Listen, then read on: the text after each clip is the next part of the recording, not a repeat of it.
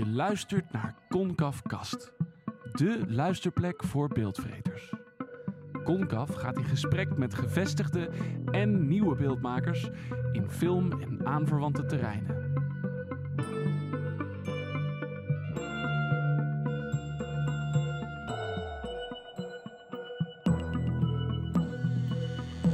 Evening,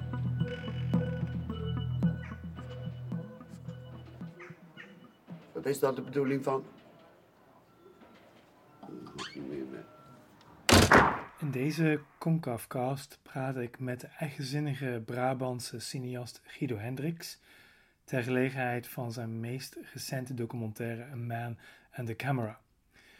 De Nederlandse cinema kent een bijzonder rijke traditie van documentaire films, maar zo bijzonder en desoriënterend als A Man and the Camera zie je ze zelden.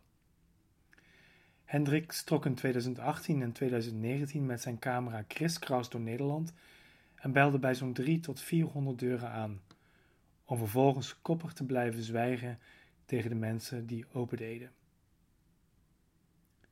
Natuurlijk snappen de personages helemaal niet wat er aan de hand is. Soms lijken ze even te geloven dat ze in Man bij het Hond of de Postcode Loterijshow zitten, maar zodra ze doorhebben dat Hendricks in zijn eentje is gekomen, zie je de verwarring in hun blikken glippen. Hallo. Nou, zeg het eens. We zitten eten.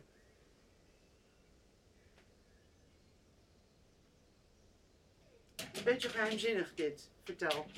Maar Hendricks vertelt niks en laat zijn slachtoffers gissen en raden zonder dat er ooit antwoord komt, niet eens via een gebaar of blikwisseling. Zeker aan het begin van de film deel je volledig in die verbazing, ook omdat Hendricks zelf vrijwel nooit in beeld komt en helemaal niets uitlegt aan de toeschouwer. Juist daarom is het zo leuk om hem voor deze podcast te ontvangen voor een gesprek over het ontstaan van A Man and the Camera, over filmethiek en durf en over de films die we binnenkort of over tien jaar van Hendricks mogen verwachten. Het gesprek vond trouwens plaats op een heel bijzondere plek, omdat ik zelf in Arnhem woon en we elkaar voor de opname in Amsterdam moesten treffen, sprak ik Guido Hendricks in de woning van mijn zeer gewaardeerde Volkskrant-collega filmjournalist Berend Jan Bokting. U zult hem op een gegeven moment zelf een vraag aan Hendricks horen stellen. Nogmaals veel dank Berend Jan dat je je huis voor ons uh, ter beschikking stelde en dat tijdens Sint Maarten terwijl er dus elk moment aangebeld kon worden. Alleen dan natuurlijk niet door iemand die niks zegt en die zijn camera akelig geduldig laat draaien in de hoop dat die vervreemdende scènes voor zich zullen spreken. Kijk, op het moment dat je de kijker serieus neemt, uh, ga je niet, je moet denk ik als maker een hele, ik geloof wel heel erg dat een film uh, visie of een, subjectiviteit van de maker wel aanwezig moet zijn, een onderdeel moet zijn van de film, dat wel heel sterk, maar een mening opdringen of dan wordt het toch al heel snel een soort propaganda denk ik. En dat is volgens mij uh, niet, dat, dat vind ik juist gevaarlijk. Vind ik ook heel cynisch. Vaak wordt filmmakers verweten volgens mij dat ze heel cynisch zijn omdat ze heel veel ruimte laten aan de kijker. Uh, Alsof zij in geen betekenis meer geloven. Nou, dat en, en ook omdat ze hè, bijvoorbeeld, uh, uh, omdat het dan gaat over misschien wat, wat zwaardere onderwerpen. Denk aan de films van Haneke, die wordt ook vaak een cynicus genoemd. Maar ik vond het wel mooi, ooit zei hij volgens mij in een interview de echte cynici zijn degene die alleen maar rekening houden met het publiek en dus denken dat het publiek niet zelf kan nadenken, maar een soort weekdier is die uh, gewoon een boodschap krijgt voorgespiegeld. En, en, en dat is het. Uh, dat is pas echt cynisch, want dan neem je de kijker dus, uh, ja, of, of zie je niet als een soort volwaardig mens die zelf ook kan nadenken. Dus de kijker is voor jou geen weekdier, maar wat dan wel? ja, toch een, ja, een tegenovergestelde zou je kunnen zeggen. Of in ieder geval iemand die, die wel de mogelijkheden en, en natuurlijk gewoon de, de capaciteiten heeft om zelf uh, uh, een oordeel te kunnen vellen over, uh, over iets. Je gaat natuurlijk niet fotograferen, maar doen. Allee. Godver. Wat is de diepere zin daarvan? Hendricks hanteerde enkele strikte beperkingen bij de opname van A Man and the Camera. Niet alleen mocht hij nooit iets terugzeggen, hij mocht ook niet zelf bepalen wat er gebeurde zodra er werd opengedaan. Glipt hij uit die rol, dan was de opname daarmee direct onbruikbaar. En terwijl Hendricks de cameraman was, kwam de regie, of misschien moet je beter zeggen de verantwoordelijkheid voor het verloop van de scène, te liggen bij de persoon in de deur. Een rol waar niet iedereen zomaar op zat te wachten. Mag ik even vragen wat u, uh, wie u bent, wat u komt doen?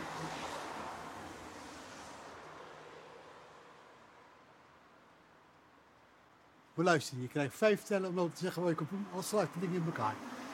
Dus eventjes, alsjeblieft even reageren, ja? Guido Hendricks werd in 1987 geboren en groeide op in Eindhoven.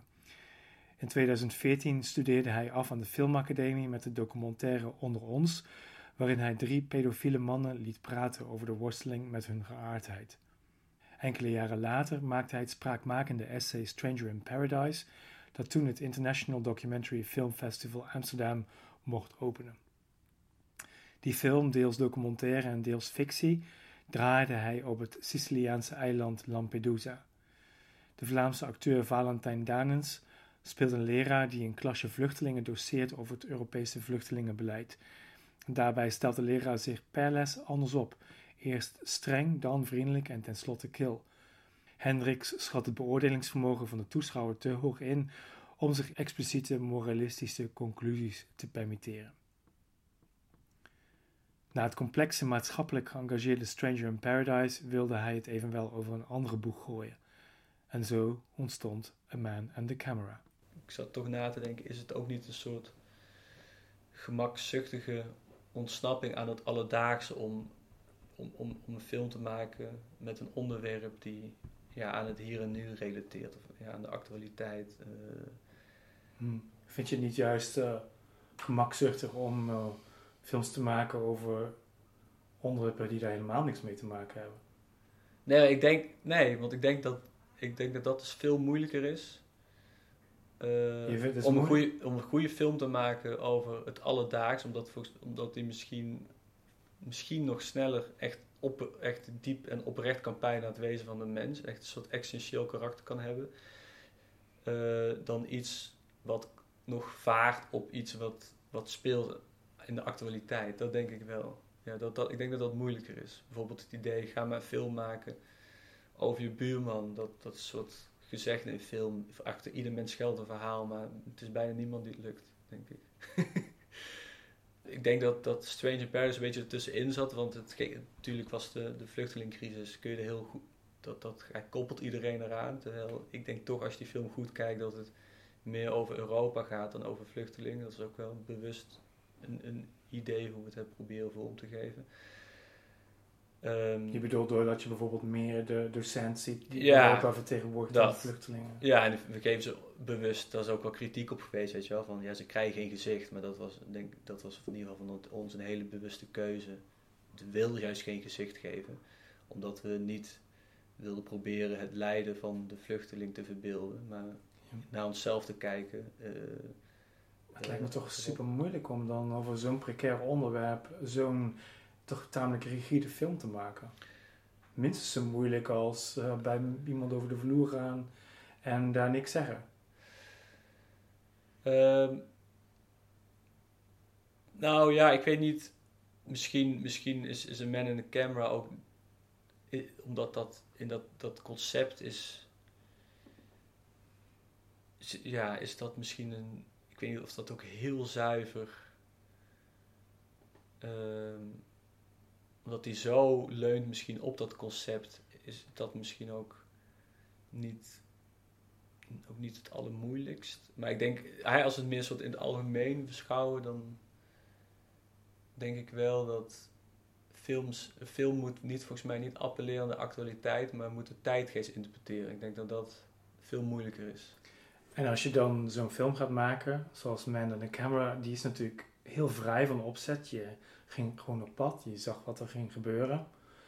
In hoeverre ben je dan toch tijdens die opname en daar naartoe lopen naar die huizen en die, bij die mensen binnen zijn, hoe ver ben je dan toch bezig met die, die toeschouwer die er uiteindelijk gaat komen? constant, denk ik. Ik denk als je, in ieder geval ik een film maak, dan probeer ik me constant te verplaatsen. Want je maakt een film wel natuurlijk voor een publiek. Ik geloof niet zozeer een film als een soort ego-trip van de maker. Dat je het alleen maar voor jezelf moet doen. Dus ik, ik denk, ik probeer me zeker ook tijdens de montage en ook tijdens het maakproces constant te verplaatsen in, eh, in de kijker. Eh, ja, en, en mezelf als een soort in, in, in dat lichaam te zetten van oké, wat voel ik nu? Waar word ik heen gestuurd? Wat doet dit met mij? Wat doet dit, hoe worden mijn emoties gestuurd?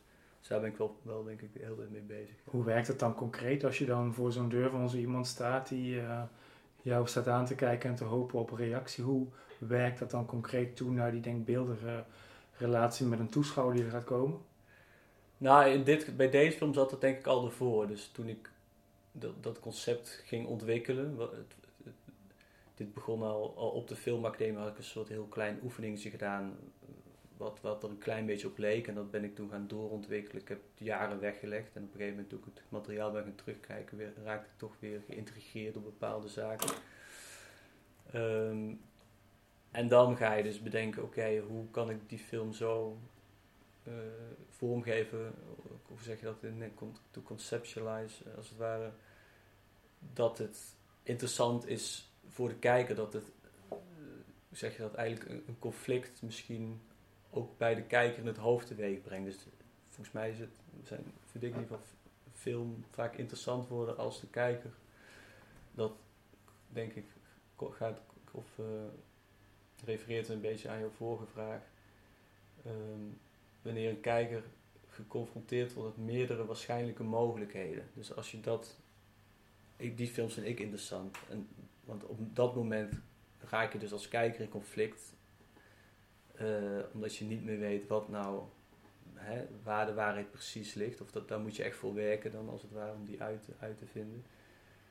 Eh, en daar wordt het volgens mij interessant. Dus ik denk dat dat, een beetje probeer. Altijd probeer het verhaal zo te conserveren dat er meerdere waarschijnlijke mogelijkheden zijn.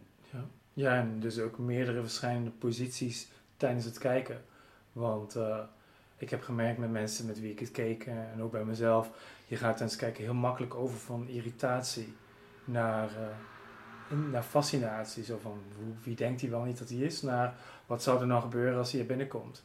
En zo gaat het natuurlijk ook bij de mensen die jij daar voor de camera haalt, die zitten ook tussen al die posities in.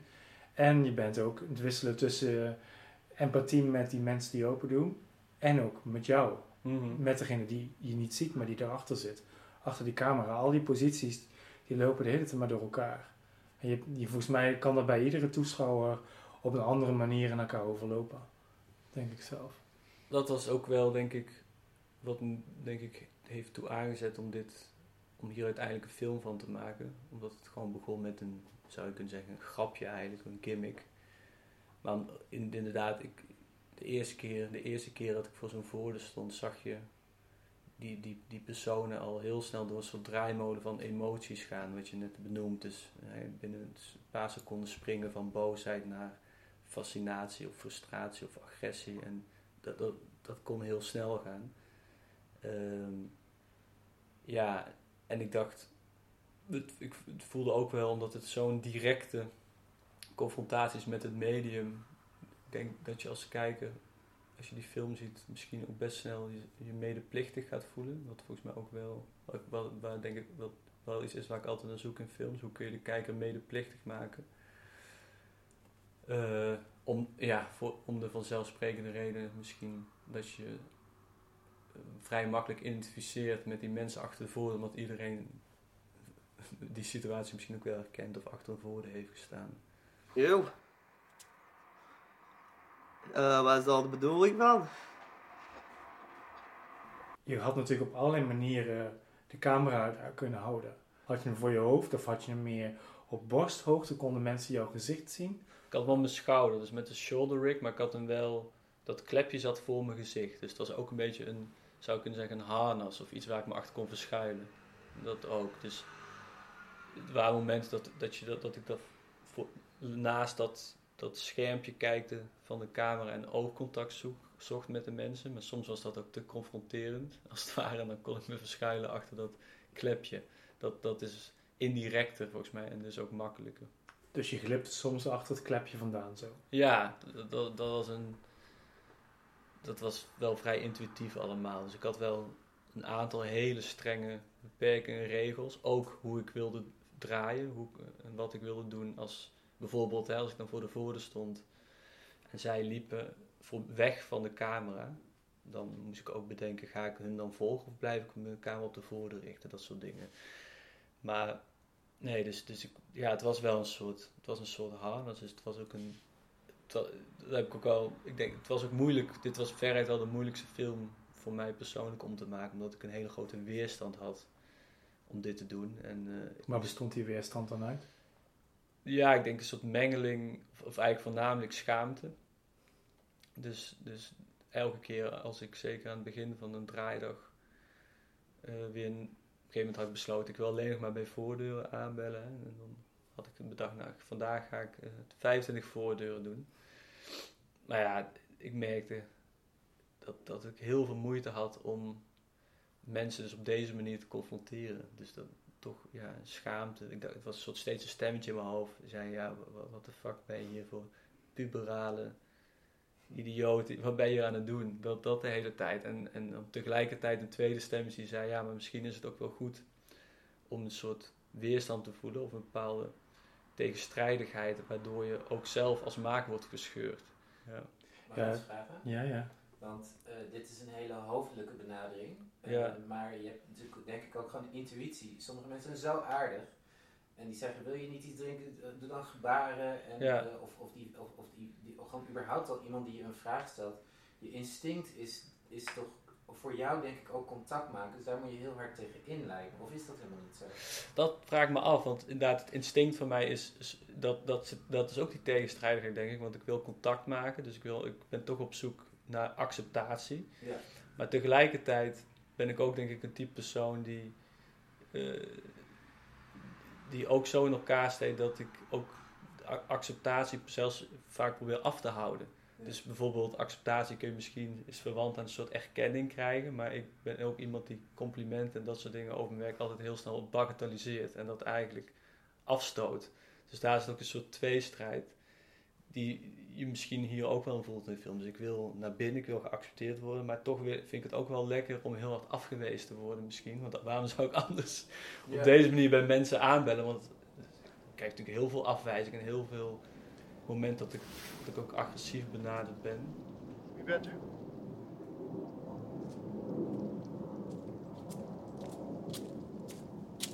Wat komt u doen?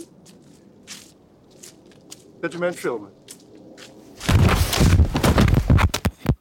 Concept achter Amand en de camera zorgde ervoor dat Guido Hendricks altijd weer volkomen blanco op de huizen en hun voordeuren afstapte, zonder te kunnen weten wat hem te wachten stond en zonder dat hij die toevallige ontmoetingen op wat voor manier dan ook in veilige banen wilde leiden. Dat bracht hem soms in situaties die behoorlijk onaangenaam zijn om te zien, zoals de scène waarin hij bij een vrouw aanbelt en duidelijk op een wel erg slecht moment aankomt. Ik vind het niet leuk hoor. Wil je zeggen waarvoor je komt? Want mijn man is net opgenomen in het ziekenhuis. Ik heb geen zin hierin, eerlijk gezegd. Of kun je niet praten? Nee, hè? Ik wil dat je nu weggaat en anders bel ik de politie. Zo'n moment van die vrouw die eh, zegt: Ja, mijn man ligt net in het ziekenhuis. Dat vind ik zelf een heel pijnlijk moment. En als ik niet had geweten dat zij toestemming had gegeven, zou ik hebben gedacht: Hoe kan dit nou in deze film zitten? Hoe kan je Mm. dit nou doen? Eh, maar doordat ik dat weet, of ervan uit kan gaan omdat het in de film zit, helpt dat helpt mij wel dan Ja, tijdens ja. het kijken. Dus toestemming is dan, is hetgeen eh, wat, wat de moraliteit, of het, soort van wat het dan moreel gerechtvaardigd maakt. Dat- Dat, dat is eigenlijk de, het cruciale punt of zo. Ja, als je dat zo zegt, klinkt het natuurlijk super oppervlakkig. En alsof ik me er op die manier heel makkelijk vanaf kan maken. Hè? Dat is natuurlijk eigenlijk ook ergens wel zo. En toch, tijdens het kijken merk ik dat het dan Ja, zo ja. werkt. En eh, ja, ik weet niet hoe dat dan voor jou was. Of je dan daarom daar dan ook genoeg aan had om het dan in de film te stoppen. Voor mij is het genoeg om te kunnen kijken. Voor jou was het blijkbaar genoeg om het in de film te kunnen stoppen. Ja, ik heb, die, ik heb er wel eens afgevraagd. Ik- Zeker dat moment van die vrouw die dan zegt: Mijn man is in het ziekenhuis. Kijk, ik denk wel. ik weet niet of dat... Kijk, ja, volgens mij kun je ethiek een soort van op twee manieren benaderen. Vanuit een soort Kantiaans perspectief van wat is de intentie van de maker? Is die goed? En ik denk wel dat mijn intentie... Ik, ik had niet de intentie om mensen doelbewust te kwetsen. Ik had wel andere intenties, denk ik. En wat is het, de consequentie, het resultaat? En, eh, en ja, ik denk wel... Ik, ik, ik, vond, ik vind niet per se, denk ik, hier het ethische probleem dat, dat toevalligerwijs ik ergens aanbel en dat, die, dat dan een man in het ziekenhuis, want dat kan ik ook natuurlijk nooit, dat zit in de methode, in de benadering verankerd, dat, dat, kan, dat kan ik niet weten, daar kan ik geen rekening mee houden. Ik denk wel dat je de plicht hebt, met die toestemming, misschien dat dat toch ook een beetje uh, refereert aan een bepaalde transparantie, dat je wel transparant moet zijn misschien waar je mee bezig bent en wat je aan het maken bent en hoe dat materiaal eventueel gebruikt wordt. En in dit, dit geval was dan wel uitgestelde transparantie, want ik kon die toestemming pas later vragen. Maar ik, ik vind, ja, die transparantie is voor mij wel uh, een soort belangrijk als het gaat over ethiek, denk ik, in de film. Ja, ja voor mij wordt daardoor, doordat ik kan beseffen dat zij toestemming heeft gegeven, wordt zij voor mij weer een. We zitten samen in hetzelfde team ja, als het onderdeel, ware. Ja, ja. Met A Man and the Camera borduurde Guido Hendricks voort op een oefening die hij ooit op de filmacademie moest doen, waarbij hij met zijn camera zwijgend achter mensen op straat aanliep. Toen hij dat spel uitvergrootte voor A Man and the Camera, werd de film gaandeweg een essay over de ontmoeting met de ander, over de argwaan die we voor vreemden koesteren, of juist het vertrouwen waarmee we hen in ons leven toelaten, al is het maar voor even ja, dat was niet het oorspronkelijke idee. Dat, dat, dat, was, dat ontstond tijdens het proces, volgens mij voor de eerste keer in de buurt van Eindhoven, waar ik ben opgegroeid. Toen, ik deed een soort voorstudie toen hiervoor.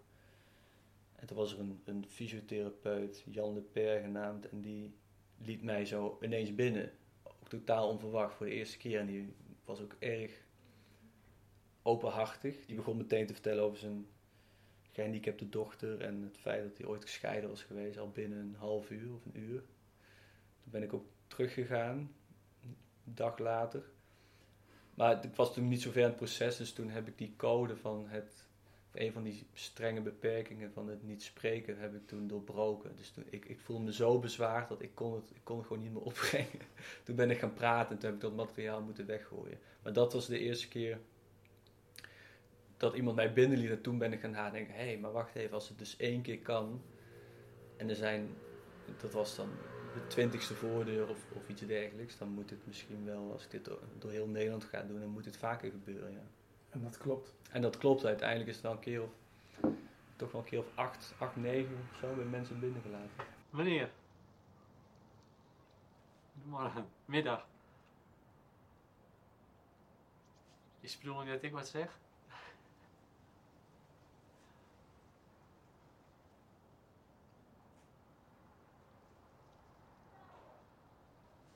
Ik kan, het, ik kan dit lang volhouden, dus het is aan u.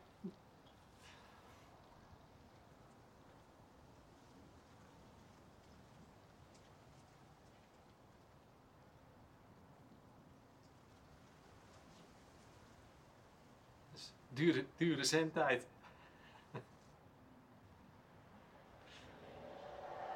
Uh, u mag binnenkomen als uh, kunnen hapje mee eten als u wil, kopje koffie.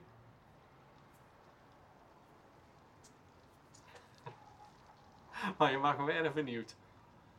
Om stug zwijgend met je camera de woonkamer van wildvreemde mensen binnen te kunnen stappen, zul je toch over lef, bluff, stalen zenuwen en onverschrokkendheid moeten beschikken. Dat is mijn kleinzoon. Ook met de thematiek en radicale vormkeuzes van zijn vorige films bewees Hendricks zich als een cineast die het niet van politieke correctheid, compromissen en gebaande paden moet hebben. Een qua jongen, zo werd hij in een interview met de filmkrant omschreven, en in die typering herkent hij zich wel. Waar komt die brani vandaan? Ja, goede vraag. Geen idee eigenlijk, nee. Nee, ik heb dat... Uh... Ja, weet ik eigenlijk niet waar dat vandaan komt of zo. Was je, was je het geitig kind ook? Nou, ik heb wel, ik denk beide, als kind op de basisschool heb ik ben ik wel gepest, maar ik heb ook wel mensen gepest. Dus ook een beetje... Dat hoor je ook niet vaak.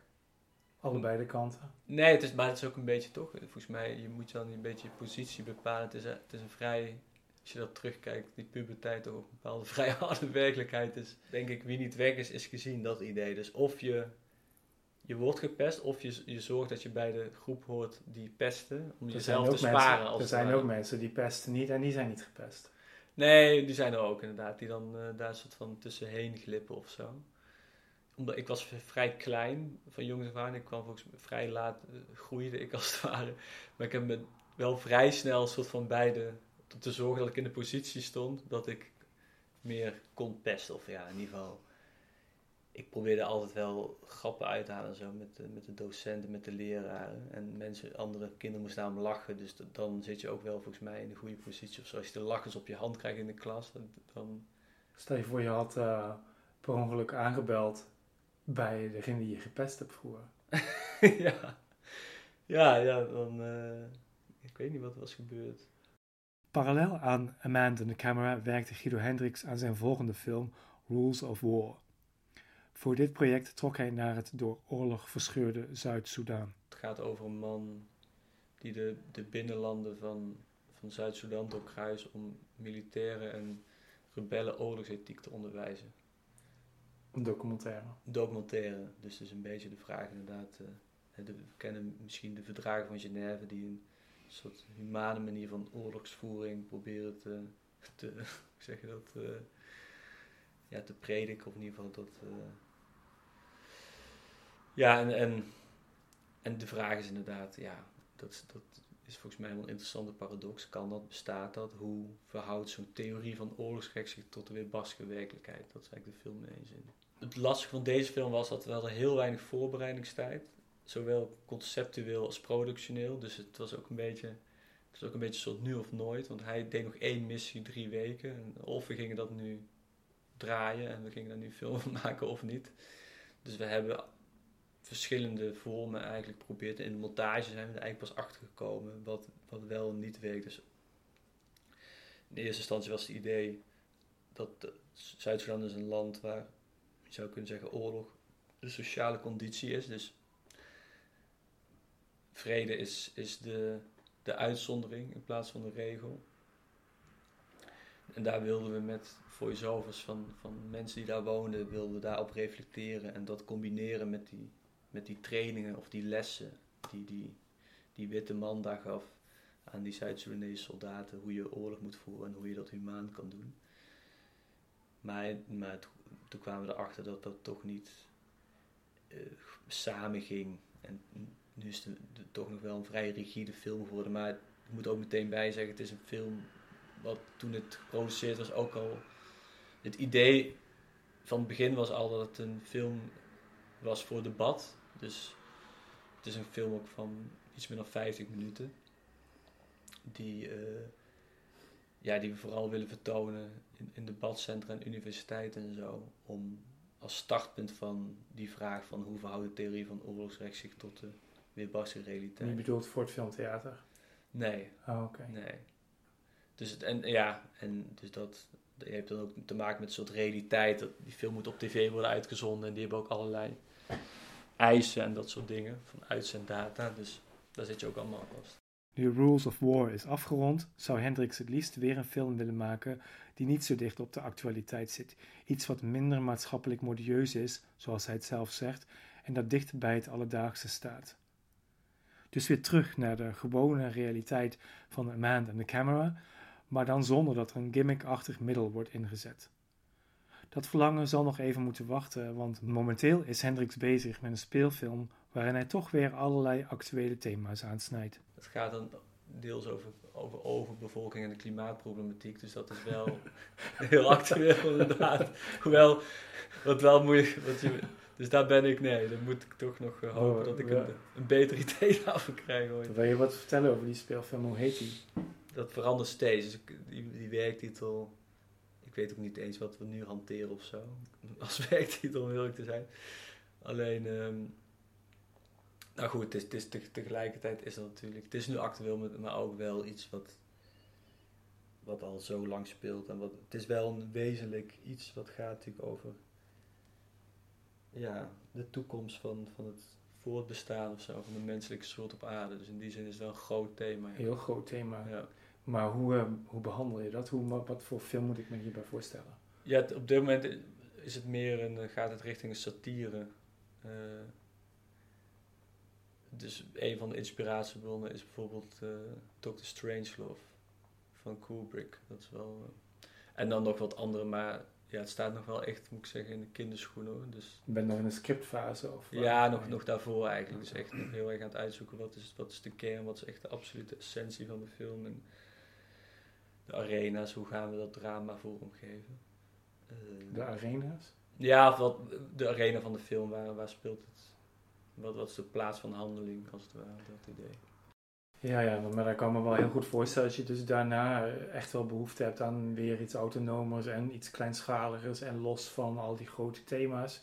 Maar goed, nou ben je dus wel met dat, met dat verhaal over overbevolking, klimaatcrisis en zo bezig. Kan je, denk je dan niet af en toe van waarom? Ja, elke dag. Dat is, e- ik ben nog wel met een ander project bezig, een speelfilm die ik gewoon heel zelfstandig schrijf. En dat is wel een thema wat heel ver weg staat van, van zulke grote actuele thema's. Dat is wel inderdaad iets heel kleins. Ehm, ja, dat, dat is eigenlijk begonnen met... eh, toen, toen een van mijn beste vrienden, het was in 2017, zelfmoord pleegde vrij abrupt nadat hij in een psychose terecht was gekomen. En dat, dat is een soort van het startpunt geweest eh, voor een, ja, een film die, eh, ja, die daar op doorgaat of vragen over stelt. Ehm, dus dat, dat is, zijn geen in die zin hele grote thema's, of niet, geen hele soort van Van de actualiteit losgezongen van de thema's. actualiteit losgezongen thema's, denk ik. Ja. Ehm, en je bent dan dus nu, dat is de laatste vraag met eh, deze speelfilm en dus hopelijk ook die andere over, die zelfdoding bezig. Raken we je daarmee kwijt als documentairemaker? Ehm, nou, ik- misschien de komende jaren wel. Ik, ik, toevallig, ik was laatst echt op een, gaf ik een, een, eh, had ik een nagesprek over Man in the Camera. En toen was ik nog heel lang met een docent van, van de Rietveld Academie aan het praten daarna. En toen kreeg ik toch wel weer een soort idee voor een vervolg op een Man in the Camera. Oh ja, anders. wat dan? Ja, ook het, het, was, het was eigenlijk een soort hele simpele vraag. Maar ik, ik, heb dat nog, ik heb, ben, moet daar nog echt een keer goed over nadenken. Maar nee, dus ra- de vraag raak. Ja, ik denk, de kans is wel vrij aanwezig dat ik. Dacht ik altijd dat ik het komende vijf jaar geen documentaire meer zou maken. Maar heel misschien dat. Kijk, als iets zo. Ik denk wel, je moet altijd ook een beetje flexibel blijven als maker. Dus als iets op mijn pad komt en ik krijg een idee waar ik. Maar wat zou dat dan zijn dan? Die, die, dat vervolg op Man in the Camera. Nou, een beetje wel. Die ook soort het, het, de alledaagse mens probeert. Of de ziel van het alledaagse op een bepaalde manier probeert te ontrafelen. Maar dan dat ik wel praat. Maar dan een hele andere benadering. Maar ik, ik weet nu. De, ja, ik heb, ik heb het ook niet. Ik heb het ergens opgeschreven. Maar ik moet ook heel eerlijk zeggen. Ik heb niet helemaal paraat. soort van. Wat, wat dat dan precies was. Daarvoor moeten we over tien jaar die film zien. ja, ja, misschien. Of misschien wel eerder hoor, dat, dat weet ik niet. Kan ik, eh, als ik, eh, ja, als ik merk, als ik daar soort van niet om me heen kan en, het blijft zeg maar opdringen of zo, dan ga ik die film gewoon maken. In ieder geval proberen te maken. Ja, Dankjewel voor het interview. Ja, graag.